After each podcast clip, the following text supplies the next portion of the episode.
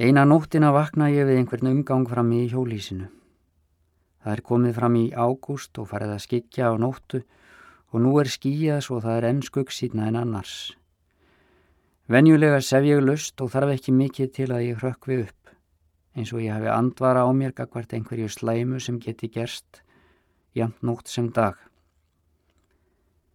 Ég veit að ég læsti hjólísinu áður en ég fór að sofa. Ég læsi því alltaf þótt að sé kannski óþarfi. Ég ligg nokkra stund og hlusta á þennan umgang handan við örþunna hurðina að svefnkammi sinu.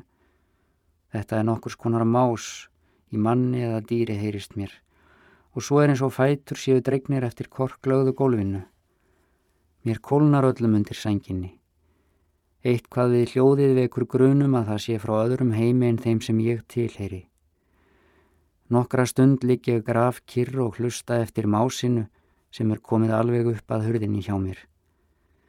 Það er ekki ólíkt því að þetta sé stór hundur. Yfirleitt er ég ekki tiltakanlega myrkvælin. En núna seilist ég skjálfentur í vasaljósi sem liggur á náttborðinu og íti á rófan, beini geyslanum að dyrunum. Síðan rýs ég hikandi á fætur og lík upp hurðinni. Ég læt byrtu flæða í gættina fram eftir gólfinu. Það er ekkert að sjá nema slittnar korkplötur og másið hættir um leið og geyslinn sker sig gegnum rökkrið. Ég slekka á vasaljósinu og stend reyfingar laus. Másið hefst á ný og þetta annarlega fótatak og færist alveg upp að mér. Í skyndi kveiki ég aftur á vasaljósinu og allt eftir í dúnalogn. Það er í mér töluverður hrollur en ég fer ekki aftur í rúmið. Heldur klæði mig og lætt vasaljósið liggja lofandi við rúmið á meðan. Síðan grýp ég ljósið á nýju og óta því og undan mér fram, líkt og það væri nýfur. Nú óska ég þess að ég hefði endur nýjar afgeimena í krossviðarkassanum hér utan við og væri með alvöru ljós. Ég kveikja á gaseldavélinni til að hitta vatni í te og sest í sófan undir langa stafnglugana meðan ég býð eftir að vatnið sjóði. Það suðar í bláum gaslogan.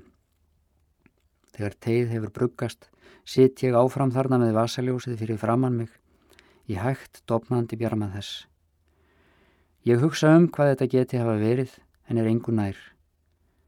Ég finna ekki lengur þessa undarlegu návist sem ég fann áður en ég opnaði Sefnarbergistyrnar. Ég held að þetta, hvað sem það var, sé farið. Samt lætt ég loga á vasalugtinni fyrir að hugsa um hvort það geti verið að einhver hafi dáið hér inni og þannig með ég skýra þennan fyrirburð sem nokkurs konar endurvitjun. Út um gluggan sést móta fyrir hinnum hjólísunum. Þau eru aflaung og gráleit og yfir þeim gnæfa bartrén, bygg svört og ott hvað svíkirðing allt í kring. Grasflutin er döggvot og svargræn. Ég sé að bolti strákana hefur orðið eftir á henni miðri. Ef þetta er þá ekki njósnatungl, fallið af þessum þungskíða og fjandsamlega himni. Ég tek upp vasaljósið og lísi á myndina af Jésu á vegnum. Batterín er orðin léleg. Ljósið er varlanum að glæta lengur. Hann er mjög rólegur yfir þessu öllu horfir á mig festulegu augnaráði, kippir sér ekki á neittnhátt upp við öll myrkursins. Ég opna hjólísið, fer berfættur út að brúninni á dyrapallinum og kasta að mér vatni. Það er svalt í lofti, hæglátt nætur kull. Ég stíg inn aftur og læsi tryggilega snýs mekklásnum. Því næst fer ég í rúmið og leggst fyrir og nú hef ég slögt á vasaljósinu. Allt er hljótt frammi. Ekkert más, ekkert fótatak, engin ónótaleg nærvera. Ég er döð þreytur og sopna fljótlega.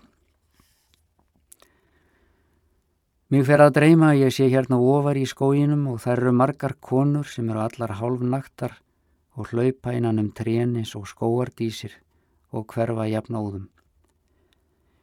Ég er á gangi með stóru trönurnar á bakinu líkt og hálgerðan kross lotin undir byrðinni og barðastóri hatturinn á hausnum.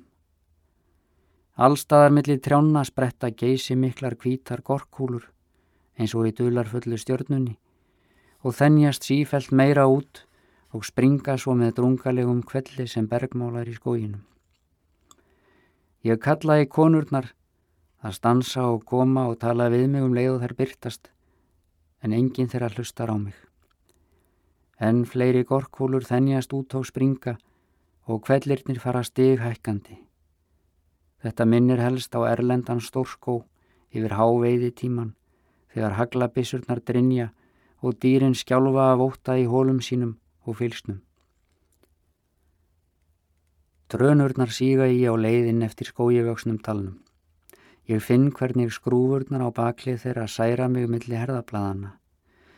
Þegar ég er komin innst í dalin leysi ég af mér spottana sem likja um axlirnar og legg trönurnar frá mér á jörðina. Konurnar eru þó allar komnar í hóp umhverfis mig í rjóðurinnu og eru núna alveg berar. Ég tegi mig í átt til þeirra og er með pensil í hendinni sem ég hef dýft í svartan og rauðan lit. Ég ætlaði að mála ekkur allar, segi ég. Þær hlæja hátt og færa sig ennær. Ég tek af mér hattin í drömnum og höfuðið fylgir með.